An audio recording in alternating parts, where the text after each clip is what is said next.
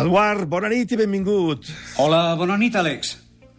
Laura Antonelli ha mort aquest dilluns passat al vell mig de la setmana més lluminosa de l'any, però la seva vida s'havia apagat feia molt de temps.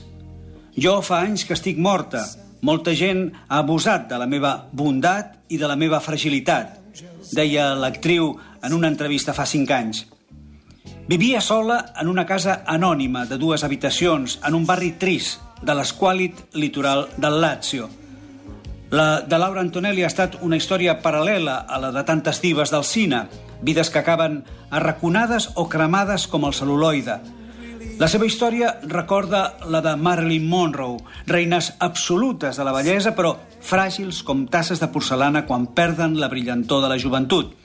Laura Antonots, aquest era el seu veritable cognom, havia nascut a Pola, Refugiada durant l'èxode d'Ístria, es va veure obligada a deixar la Dalmàcia amb la seva família després de la guerra quan aquell territori va passar a ser ex-Jugoslàvia.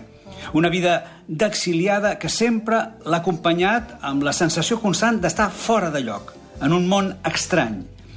A Roma va ser professora d'educació física i va entrar en el món del cine pel camí de la publicitat. La seva acadèmia van ser les famoses fotonovel·les de l'època. La vida de l'actriu ha estat una oscil·lació d'èxits i dificultats.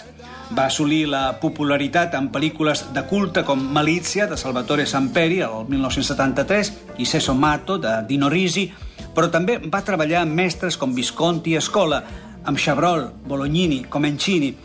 Es va convertir en icona eròtic dels anys 70 i 80, però la seva carrera va patir un gir a la baixa amb l'arrest per droga el 1991.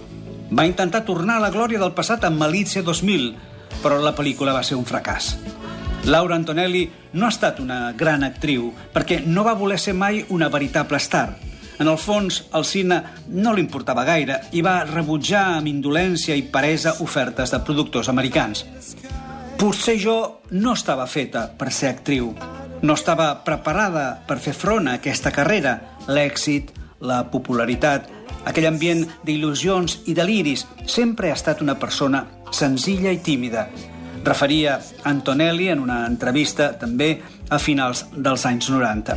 Perquè per què fascinava tant als homes la seva bellesa? Es pregunten els diaris i els crítics aquests dies.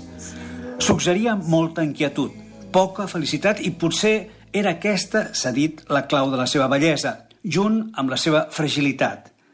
La seva era una bellesa a l'abast, que es lliurava fàcilment, sense preàmbuls, sense complicacions. Els últims anys han estat tristíssims, caracteritzats per la solitud, la depressió i una llarga causa judicial perduda per una intervenció estètica que li havia desfigurat el seu rostre, el seu bonic rostre. Els seus amics havia dit que l'oblidessin per sempre. Tenia una fortíssima dosi de dignitat i orgull. Es va refugiar en la religió, escoltava tot el dia Ràdio Maria. Repetia sovint que no li interessava la vida terrenal, volia viure pregant, una devoció que la va portar a donar en beneficència gran part del que tenia. Vivia últimament d'una pensió mínima i sota la tutela de l'Ajuntament de la Díspoli, com una indigent mig boja. Tothom l'havia abandonat de veritat. Eduard Rubió per la finestra indiscreta.